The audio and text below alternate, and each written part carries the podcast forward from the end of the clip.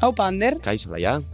Bueno, Leidei podcast honetako saspigarren atalan gauz, eskuragarri YouTubeen gazteako kanalean eta EITB podcasten. Zuke Warsuf Liga jarraitzen dozu? Bai noski, eta gainera esan behar dizut aurten gauzak superen interesgarri jarri egin direla, mid-seasona eginda, eta gainera Gabriel Medinaren itzulera e, daukagu, horrek gauzak superintazgarri jarri izan ditu, eta gainera zen behar dizut olaia Euskaldunok, Euskal Herritarrok badaukagula ordezkaritza oso oso potentea Warsuf Ligean, hain zuzen ere Mikel Zalakain epaia dugulakoan. Eta bera da zuzen ere Leidei podcast honetan gure gonbidatua, beraz goazen gozatzera Leidei podcast hau Mikel Zadakainekin, baina olaia eh, emango diogu hasiera podcast honi modu berezi batean. Hit is on, 3, 2, 1, go!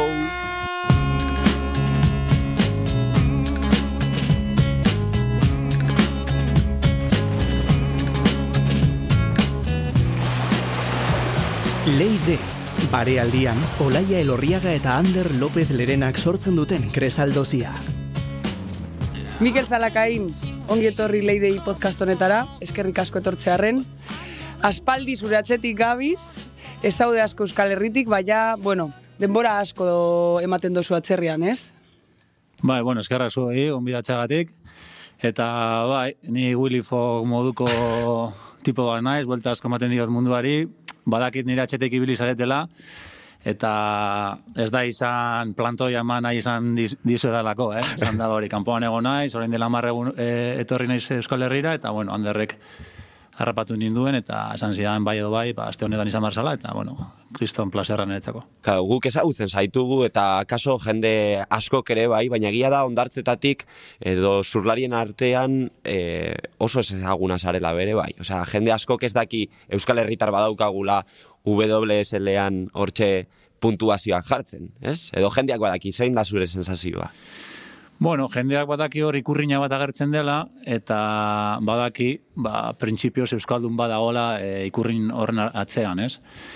E, gertatzen da, uste nire, kasu, nire kasuan, ba, irrati munduan gertatzen dan bezala, ez? Igual ahotz ezagutzen duzu, baina gero ez diozu arpegia jartzen e, ahotz horren atzean dagoenari. Ba, ni uste dut, paralelismo bat eginez, niri horlako zeo zer gertatzen edala. Igual jendeak, badaki Mikel Zalakain hor dagola, baina askotan ez dio ba, hori, e, itxura darpegi bat ipintzen, ez? Bueno, gero ja gertukoak eta mundiokoak, bo, bai, ba, urte asko dara matzala darako mundilo hontan, bidaiatzen, surfing e, munduan, eta bai, baina, bueno, nire ustez solako bai, bai eta ez bat da, ez da zetera, bueno, urte asko daroa zuze epaiketa munduan, eta zetera llegatzea ez da izan bide erresa, suposatzen dugu, zelan izan zen hori, zure saltoa?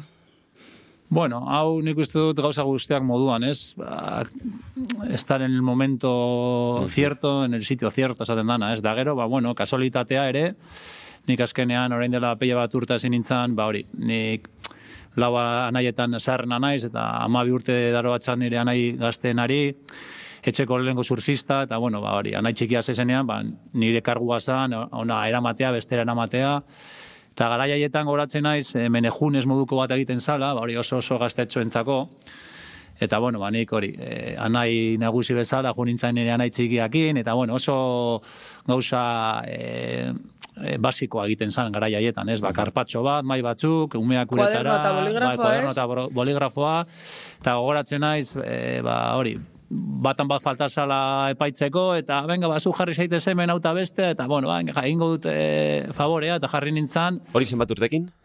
Jo, ba, izango dira igual, ez dakit, hogeita urte bat, hola, uh pasako ziren, ez dakit, eh, gutxi gora bera, izan ditezke hogeita zazpi edo hogeita iru, baina holako denbora salto bat egongo da.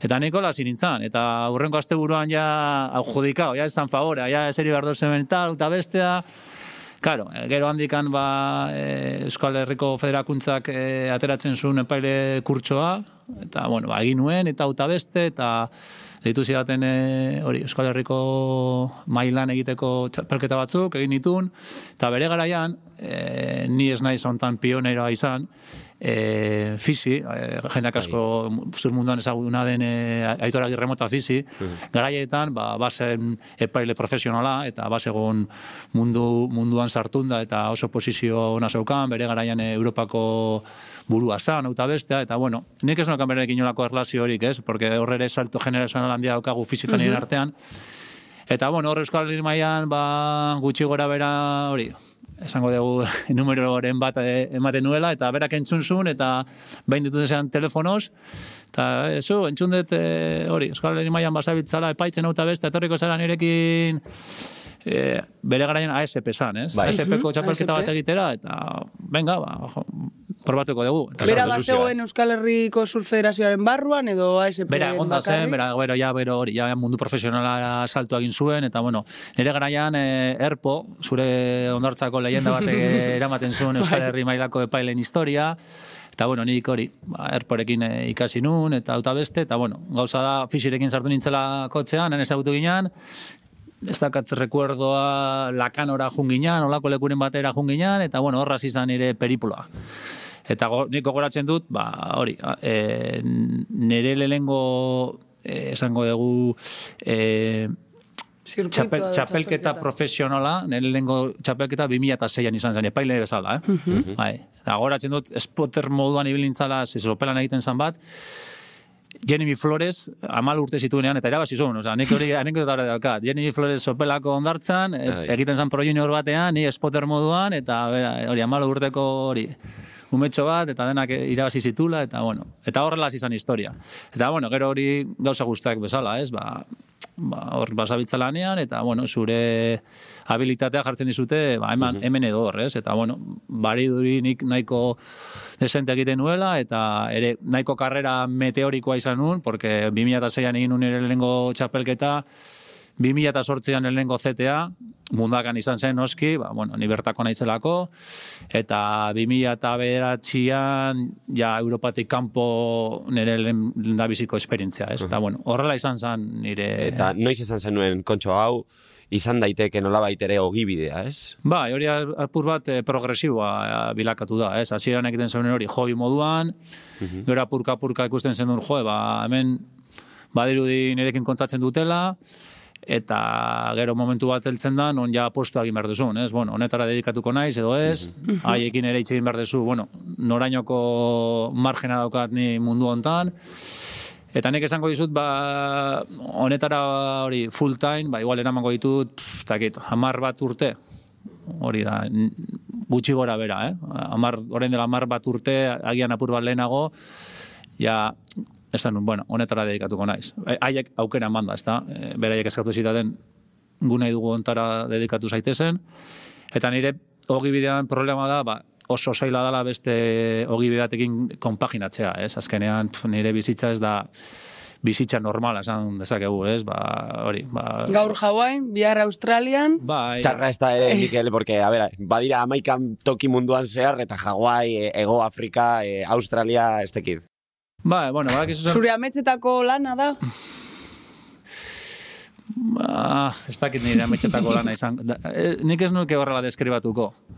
Surfak asko eman dit, osea, hori niretzako beti daukat oso presente, eh, ez dakit itxuliko dean eman didan guztia, Baina nik ez naiz oso idilikoa edo ametxetako ondartza, olatua, lana eta horrelako salea, ez? Egia da asko eman didala, gaur eguna izena berak eman dit, baina nik ere uste dut asko eman dio dala. Azkenean, zuk ere, kanpotikan oso idiliko, oso polita ematen du munduan zehar bueltak ematea, ez da inpolita, egia esan, baina badauka bere sarma, e, surfak asko eman dit, nik surfari ere asko eman diot, eta bueno, horko ba, balantza hortan ibiltzen naiz, ez? E, bueno, zuk eman nik ere hartu, eta nik uste dut horrela, horrelako balantzak funtzionatzen duela.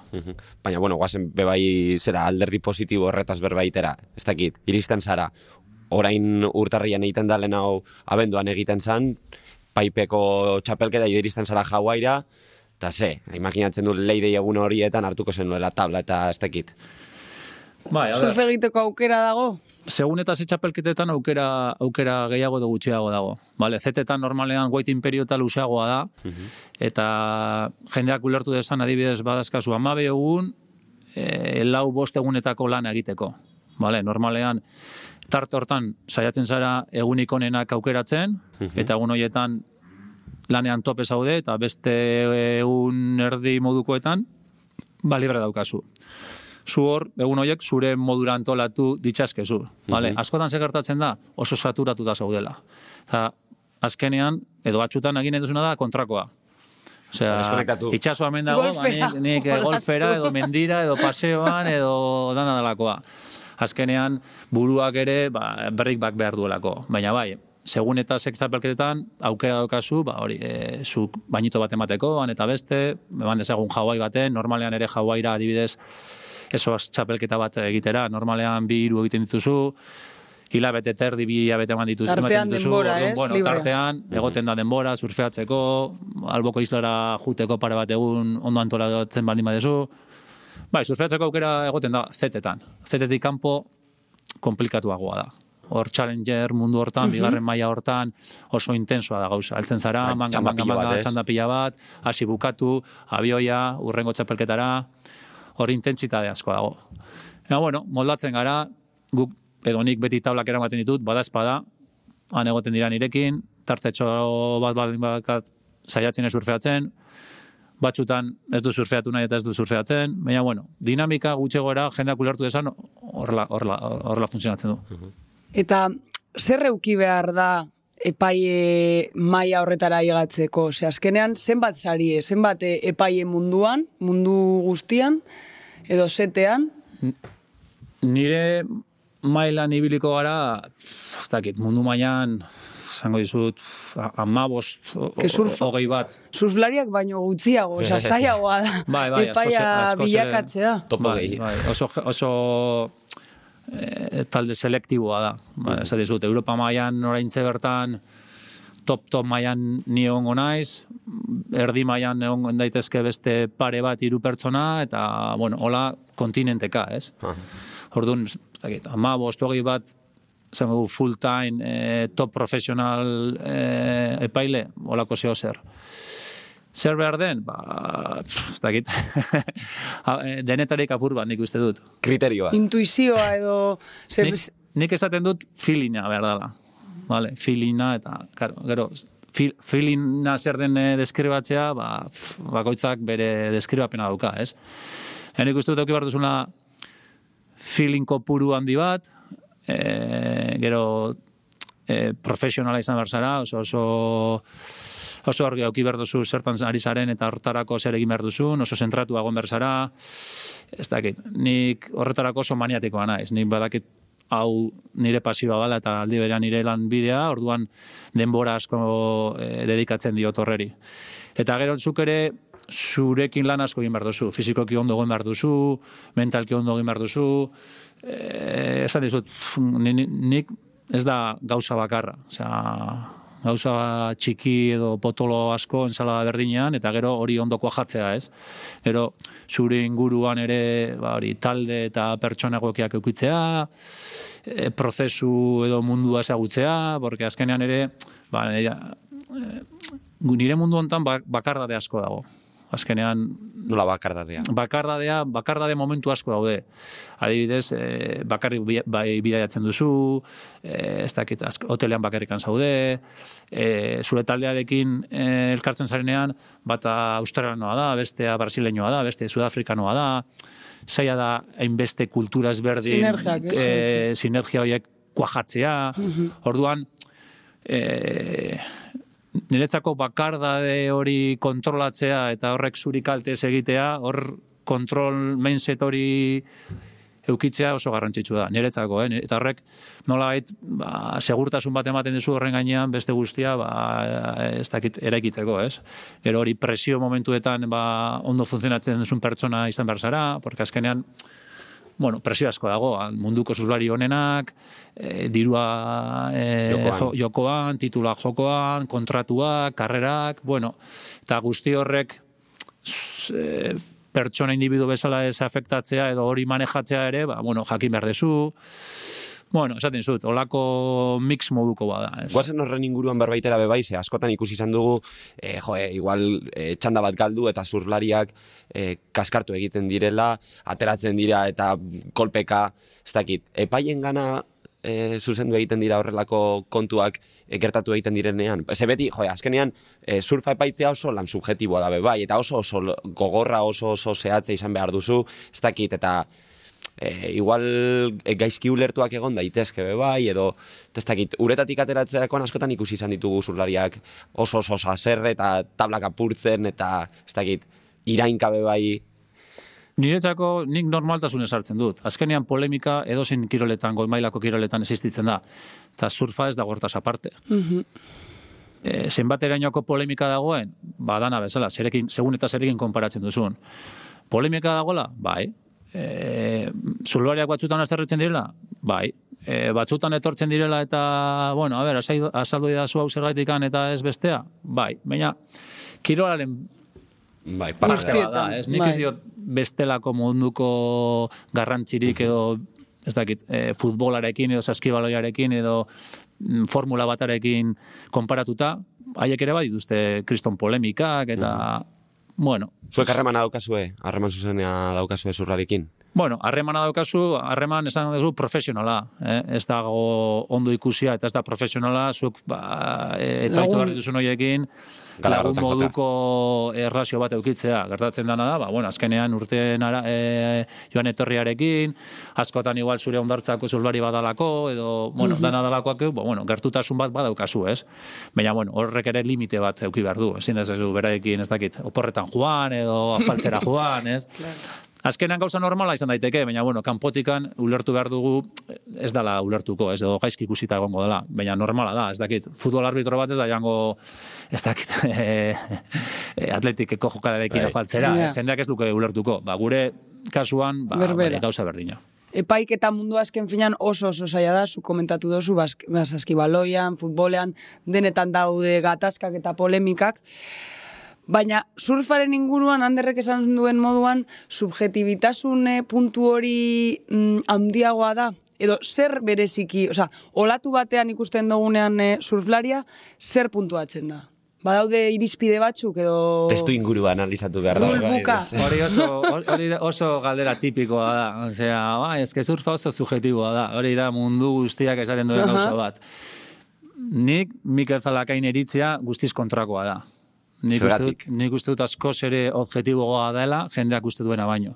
Eta e, polemikarekin lotuta, zuk azkenean kronometro batek edo marra batek e, diktatzen ez duenean, nork irabazten duen, nor gelditzen den bigarren lugarren danalakoa, subjetibilitatea beti egongo da hor. Bai futbolean, saskibaloian, e, surfan, errukbian, zergaitik, azkenean, pertsona batek edo batzuek, ba, momentuan, erabaki bat hartu beharko dutelako. Bale, subjetibetasuna horrela ulertuta, badago, noski.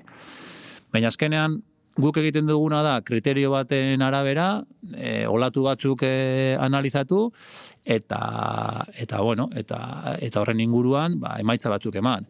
Baina nik esango dizut, joe, Ba, irizpide horiek zeintzuk dira, eh, edo Bueno, ba, azkenean adibideren bat. ba, oso oso tekniko ez izatea arren eta jendeak ulertu desan, guk bilatzen duguna da zurlariek edo kirolariek maniobrarik e, zailenak, teknikoki zailenak, olatuen parterik zailenetan egitea. Eta are eta ma, e, maniobra gehiago, e, saltaisun handiko maniobra gehiago batera ipini, ba, geroz eta hobeto. Vale, azkenean, gero zer gertatzen da, bueno, ba, puntu batera heltzeko bide bat baino gehiago dago. Surfan, bueno, e, guk ez dugu kantitatea belatzen, guk bilatzen duguna da e, kualitatea, ez? Osea, ez da maniobra asko egin behar, edo bai, Depende. depende. Olatuak eskatzen duena be bai, ez? Azkenean zuk egin behar duzuna da, esan dut, kalitatea dituen performantzak, ba, erakutsi. Eta horren arabera, zuk egiten duzunaren arabera, eta besteak egiten duten arabera, bueno, ba, epaileak egiten duten da, konparatu. Vale, zuk hau egin duzu, besteak hau egin du, zer da zailagoa, edo zer dago hobeto egina, zer da hobea, eta e, zenbat hobea edo kerragoa den. Zurea sei baldin bada eta bestea hobeagoa baldin bada, zer da, asko zebea, apur bat hobea, konparagarria, orduan, gure lana hortik doa. Behanek, karo, e, hau esango dizuet, e, futbola subjetibotasun puntu bat baldin badauka, eta hortan ados baldin badauge, ba, bagaude, pertsona bakarra dago. Surfa subjetiboa da, baina boste paile daude. Orduan, subjetibutasun hori ere, nola Murrizten da. da. Gertatzen dana da, jendeak ez du laur laulertzen, porque surf azkenean, kirolariak erakusten duen parte artistikoa da epaitzen duguna. Beste kiroletan normalean da, ba, beste alderdi basa- bai. eh, fisikoagoak, Bai, ez? bai, Ezin den edo gol bat, azkarrena, edo- edo gol bai. bat, edo zenbat puntu sartzen dituzun. Bai. Orduan, bueno, surfak beriztasun hori dauka, ez? E, Kirolariaren parte artistikoa analizatzen da. Eta gertatzen dena, parte artistiko hori ona izateko, ba, e, fizikoki ondo egon behar duzu, e, tabla honak edu behar dituzu, itxaso irakurtzen jakin behar duzu, bla, bla, bla, bla, bla, bla. Orduan, bueno, ez dakit. Egun, zetean zein da artisteena. denak eta bat, eta eta inorrez. Ez que hori da... Zuk ezin dezakezu... Eh, zak- nola, esan- nola esan... Eh, ja, katalogo batekin joan. Bai. Ba, bideotan ikusi duzulako. Ez daki nork, e, e, ez daki norko revistatan e, e, surfista hori promozionatzen daudelako. Porque azkenean, mangasi baino lehenago, jo, ja, arrara ingo zait besteak irabaztea, porque azkenengo hilabetean, revistetan e, Italo Ferreira adibide bat da. Bai. Italo Ferreira ateratzen dute denbora guztian. Bere oporretan zelako airioak egiten e- egon Bai, diren. bai. Eta, Bueno, baina badakizu Euskaldunoi, Euskaldunok oso apustu zaleak garela. bai, E, porra egitegotan, oraindik ere, ez dakit, season erdian egongo gara, ez? Sasoi erdian egongo gara. kortea, Hori. kortea egin da, eta hau da kortea eta ostean lehenko txapelketa. Zer deritzo zu korte... Ez, ez, baina, egon, egon. Top Ei, 5. ei, Top top 5. Top 5 hori, Ander. tre- tres tres zeintzuk ikusiko ditugu. Ez dakit. Ai, porra, Ni- Nik hori ezin ditut esan. Jakingo banuke, pff, ez nintzen hemen eserita egongo. Claro. Vale, vale. Retabet edorlako batetan egon nintzen, diru pila sartu, irabazi, eta, eta listo. Ez, azkenean, eta hori, baina, eske azkenean, bat ez gertatzen dan, e, askotan surfistok uste dugu gure kirola, beste kirole, kirolak baina askoz ere ezberdinagoa dela. Eta hori ez da egia. Beriztasun batzu dazkagu, gure, gure kirola itsasoan egiten dalako, medio natural batean egiten dalako, eta hori argi dago oso kirol gutxitan ematen dana, baina kirol moduan ez dago beste ezberdintasun, eta zeintzuk izango dira top 5. Ez nik galdetzen dizut da, ze nik, eh, zera, badaukat fantasi bat, eta ez dakit. Ja, bueno. baina, baina epailak adibidez ezin dezakegu eh, fantasia auki. Ez? Ez. Debekatu hori? Debekuta daukagu bai. Benetan, bai. Baina logikoa da. Logikoa Ah, bueno, logikoa da, be, bai. Logikoa da, bai.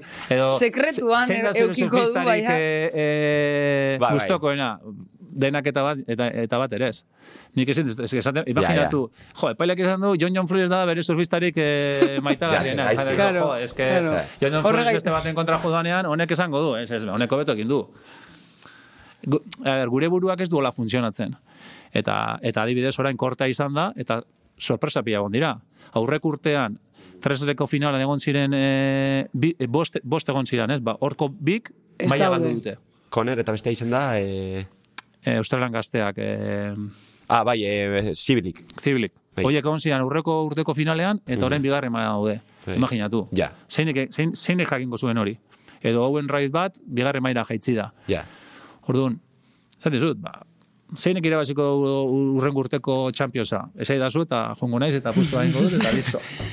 Bigarren maila hori aipatzen dozunean, berez ez da bigarren maila futbolean bezala, ez? Osea, urrengoko urtean mm, ZT-tara joan algo dira dibes Owen Wright, edo ez? Edo barriro behetik hasi behar zara. A ber, e, jendeak ulertu desan, ni begarri maila esan dizut, e, jendeak ulertu desan, eta gaur egunean e, historia montatuta nola dago. Esan dugu, Champion Liga edo munduko e, hogeta malau zurulari onenak e, zetean daude. Vale, e, aurten e, berrikuntza bat egin da, non, lehengo bost txapelketen ostean, hogeta malau zurulari horietatik, hogeta lau lehengoak, CT hortan geldituko dira urte bukaera arte. Urtean zehar, amar, pra- amar proba daude, plus finala. Orduan, zuk, lehenengo boste e, txapelketen ostean, hogeita lau lehenengoen artean e, zailkatu da baldin bazaude, garantizatu da kasu, amar txapelketa egitea urte hortan. Eta, amar txapelketa horien ostean, lehenengo bostetan baldin bazaude, Finaletara. gran, e, finalan dira jungo zara. Mhm. Nesketan amasei dira, ez? Nesketan a- gutxiago dira, amasei, kortea mm, amar dira, eta finalera lau uste. Lau. Bai. Vale. Memoria sari naiz numerotan, baina, bueno, azkenean sistema berdina da. Vale, ze gertatzen da, e, hogeita lautik bera gelditu direnekin. Nik esaten dudan, bigarren maila hortara jaizten dira.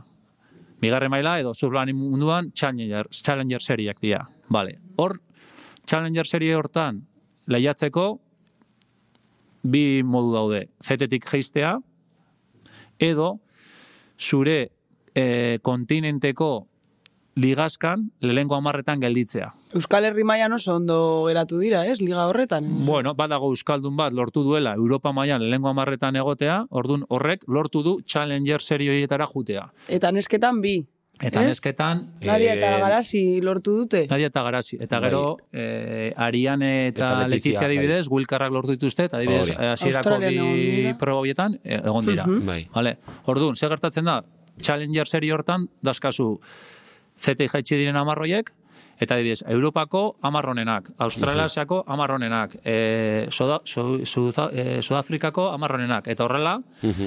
egiten dituzte laro eta amasei surflari. Hor beste sortxi proba daude. Sortxi proba hoien bukaeran, lehengo amarrak, urrengo urtean zetera egoko dira. Aha. Orduan, aukera daukate hau- hauen rai hau eta hauek berriro kla, e, klasifikatzeko, bueno, orain, sortxi proba horietan lehiatu behar dira, amar lehenetan galtzen badira, urrengo urtean berri ongo dira. Orduan, zaiena da, behetik hasten diren e, surflarientzako zetera aigatzea, ez zaiagoa da, behintzat, aurten. Mm, Bai da, eh? E, egia esan ez, porque denak hasten dira puntu berdinekin. Mm. Orduan, e, lehenengo challengerra snapper izan da. Hor, danak hasten dira e, zero puntukin. Bai Owen Wright eta bai e, Adura Adur. Matreain. Mhm. Bai. Osea, kondizio, osea, be- baldintza berdinetan. Eta gero, segun eta zuze emaitza lortzen dezun, ba, rankinean gora edo behera. eh, bera gongo zara. Kasu hontan, ez dakit memoriaz, be, segurazki, adur, Owen Wright baino hobeto gongo da gaur egunean rankinean. Asko falta da. Bai. Baina, baina adurrek adibidez uste dut pare bat manka pasatu, pasatu zituela Bai. snaperrean, Bai, bi. Owen Wrightek ez dakit bat pasatu zuen, dana dalakoa. Azkenean, zuk egiten duzun arabera, puntuen arabera, ba, go- gora godo. Hombre, hori, aukera badabe bai atzetik datozenek eukin dezaten be bai aukera e, zera, lehenengo mailan edo zete horretan egoteko, osea, ez? Hor aukera denentzako da berdina. Zure, zure mailak emango dizu zetean egon edo ez. Adur, adurrek lortu du e, e, munduko eunin hon- hon- honen artean egotea, eta orain, berak erakutsi behar du, edo, edo, edo, vamos, edo txapelketek erakutsiko dute, bera zen niveletan dago. Urte bukaeran, azkenengo challengerra jaleiban da. Ba, jaleiban ikusiko dugu. Adur gelditu da, irurogeita bi, edo gelditu da, sortxigarren. Sortxigarren gelditu zara, premio, urren urtean, zetera jongo zara. Bueno, Ikusiko Emakume- dugu beste euskaldunen bat. Emakume zein mutil, zein e, gizon. Beste aritzaran bururen bat eukiko dugu laster edo zail, zail dago asuntoa. Arrobia zelan dago. Nik, nik Euskal Surfaren osasuna oso ondo ikusten dut.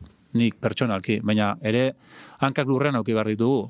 Jakin behar dugu guk zer garen, nondik gato zen, eta eta noragoa zen. Orduan, e, eske gu ere oso pikotakoa gara. Osea, ematen du urrengo urteetan aritzaran buru bat ez baldin bada ateratzen, ja Euskal Surfa ez da existitzen. eta ez da hola.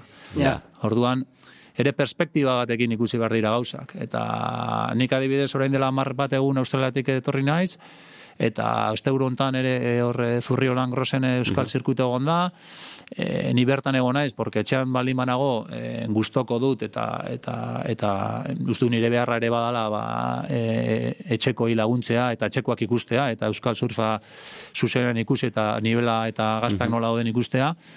Eta nik esaten nien, jo, norbaitek adibidez eh, Europa mailan e, rankinak ikusten baldin baditu, hor pro juniorretan, eh, bai emakumezkoetan eta bai, Bai, bai. mutilezkoetan euskaldu bat dago lehenengo postuan. Eta lehengo amarretan, ba, mutiletan egongo dira igual lau edo bost euskaldun gazte, eta nesketan beste bi edo hiru. Orduan, jo, etorkizuna, berez, ona daukagu, claro, hortik. E, IAZ-era norbait igo den, bueno, oso zaila da. Nik esango dizut, e, adibidez, osasuna batek ez badu Champions Liga edo Liga irabazten frakaso bada, ba, ba niretzako ez, norbait etzat izango da. Edo atletik edo realak ez badu hori, e, Liga irabazten zer da, frakaso bat? Ez. Orduan, niretzako osasun surfistikoa Euskal Herrian oso ona da. Gazte, gazte desente datoz, nik ere ez dut ustori kasualitatearen e, gauza denik, nik ez dut kasualitatean asko sinesten, orduan nik uste dut ba, Euskal Herri mailan gauzak ondo egin direla, e, hori, kirol mailan e, antolakuntzak, txapelketak, teknikariak, eta hau eta beste mm, urten, azkeneko hamar urteetan ba, oso ondo egin direla, eta horrek orain azkenean furtu bat eman du. Nik ez dut uste kasualitatea denik esaten zutena. Top amarrean e, sei euskadun egotea. Horrek, horrek zergaiti bat dauka. Eta nik uste dut, ba hori, ba, gauzak ondo egin direla, e, engaztek e, hemen daukagun sistema, kan, profesional munduan dagoen sistema berdina dela, orduan, kanpora e, ateratzen direnean, beraintzako ez dago aldaketan dirik. Azkenean, aldatzen dira e, kontrarioak, baina sistema berdina da, epaile maila berdina da, e, speaker maila, e, notak zuzenean, uh auta beste, olatu desente honak, mundakan finala, bueno, ja poso badaukate. Uh -huh. Plus, beraia daukaten e, habilitate eta kalitatea. Azkenean gu, bueno, Euskal Herria oso e, toki txikia da mundua, baina aldi berean, jo, proporzion kalia prezio, ba, hori ere analizatuko bagenu, oso rankingan goian. Oso goian. Denbora aurrera doa, beraz, salaketarekin joango gara, bueno, e, podcasta entzun badozu zure bidai baten e, ba, denbora pasateko, e, salaketa eskatzen diogu beti gure gonbidatuei, zer zer surfaren inguruan amorratzen edo gustuko ez dozun, edo bueno, aldatuko zenuken zer zer. Bueno, a ver, salaketa nahiko hi txitxuzia edo potolo da, eh, bai. nik ez dakit. Anderri polemika gustatzen zaio, eta bai, orduan eh, salaketa. Loiburuak. A ver, nik ez dakit salaketa den, baina nik faltan botatzen dudana, da surmaian daukagun elkartasun apurra. Vale, azkenean nik ez dakit surfa kirol individuala dalako, nik hori faltan botatzen dut. Gure artean ez gaude elkartuta. E, zurbariak uste du olatua bere, berea dela, e, ondartza berea dela, e, pikoa berea dela, eta hori niri horrek, ez dakit, nola baiteko, ez dakit, kritika edo pena edo, bueno, aldatuko nuken zerbait da, ez? Gure artean elkartuago egotea, uste dut, denontzako neurugarri izango zela, ez, ba, ez dakit, ba, ben esaten zut, ondartzara joaten garenetik, non ondartza ez da surflariena, ondartza da, ba, arrantzan daudenena, eguzki hartzen daudenena, e, buzeatzen dagonarena, irurogeita urte eta golfean ari denarena, baina garo, surfistak uste dugu guzti horren gainetik gaudela. Guretara sartzen gara, e, pikoan jartzen gara, eta uste dugu pikoa gurea edo gure lagunarena bakarri dela. Eta seria datorrenean, eta ona datorrenean, Ez hori nirea da, gero zurea eta gero ikusiko dugu. bueno, mentalitate hori oso barneratuta daukagu. E, eta nik, bueno, horri, eta gure artean ez dugu asko, ez dugu asko, askori laguntzen. Eta bak, izaila dela mundu aldatzea, baina, bueno, guk gure mundio txiki hori aldatzea badaukagu, eta, bueno, nik hori falta motatzen dut. Mundu mailan ere, lokalismo asko aldago. Bueno, a ver, lokalismoaren inguruan hitz egiteko beste podcast bat beharko denuke, ez? Baina, A ber, nik lokalismoa ulertzen dut eta uste dut bere lan egiten duela. Baina lokalismo esan dezakegun, esan dezagun e, behar, behar moduko lokalismoa. Ni mundu mailan mundu mailan ikusten duan lokalismoa eta adibidez Euskal Herri mailan ikusten duan lokalismoa ez da ez da berdina. Nik adibidez lokalismoa ulertzen dut eta eta defendituko dut, porque azkenean zuk zure ondartzan egunero surfeatzen zaudenean nolabait e, arraigo moduko edo, edo, edo zeo zer sentitzen duzu eta hori defenditzen duzu, eta bueno, den esan dizutena, hori ere defendatze, defendagarria da modu positibo batean.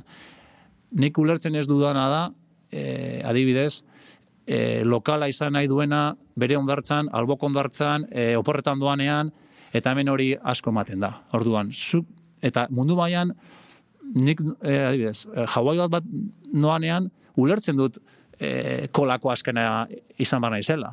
Nik, eta naturaltasun esartzen dut. Mm -hmm. ez, ez, ez, ez dut inolako frustraziorik e, eramaten. argi daukat, errespetatzen dut eta ulertzen dut. Edo Brasil bat batera noanean, edo denalakoa, Jeffrey Zoe batera zoazenean, beraiek lokalismoa modu naturalagoan eramaten dute. Eta guk ezberdin. Baina, bueno, hori beste debate bat. Bai, utziko guzte podcast baterako. Be, beste, beste behin etorri behar zara. Hori da, hori da, hori da. Konbidatu guztiei esaten dieguna. Zer, agur esateko kanta bat eskatu behar dizugu, beraz, zergatik aukeratu duzu aurkeztu behar diguzun kanta. Bueno, ni aurretik doa ez naizela oso musika salea, osea, ez dut ez naiz, sorry, musika edo playlist eh, eukitzen duen hoietakoa. Bere garaian bertsosale edo pseudo bertsosalea izan nintzen, baina salea izateko jarraitasun bat eman behar diozu eta gaur, gaur egunean ez diote ematen. Baina, bueno, nik gogoku doan eh, abesti bat da Ruper Ordirikaren e, zaindu maite duzun hori, ez? Eta, bueno, letra entzuten baldin baduzu hor de pare bat esaldi, niretzako ba, asko representatzen autenak edo batez ere igual Euskal Herritik kanpo nagonean. Herri mina, ez? Ba, herri mina edo nire tokian jartzen dute nautena, eh? esaten dute zenek esan eh, Euskalduna izatea, ez hobe, hobe, olako zerbait esan du Bai. kantak, ez ho- hobe aukeratuko banu munduko irritar izatea, ez? Eta joe, azten zara hortan pentsaten eta egia da, Euskaldun izatea ez da erresa. Baina, bueno, aldi berean gauza asko ematen, ematen dizkizu, ez? Orduan, bueno, ez dut esango bajoia daukadanean ipintzen dudala, baina entzuten dudanean, ostras, eh, hori, eh, powerra ematen dit, ez da, gero hori, zaindu maite duzun hori, askotarako balio du. Ba, Pertsonentzako, tokientzako, olatuentzako, Orduan, bueno, niri behintzat, nahiko ondo tertzean txute morala da, ez, entzute dudanean. Guapoa, zein ba, guapoa. Ba, listo, eske, jo, eh, emango genuke hemen orduak eta orduak berbaiten, Mikel, eskerrik asko etortzea. Ni gatik. esker, Zuei. mi esker, eta beste behin etorri behar zara, ze hemen Bai. gai asko geratu dira tinteroan. Vale, Eskerrik asko. naiz, Eskerrik asko zuei.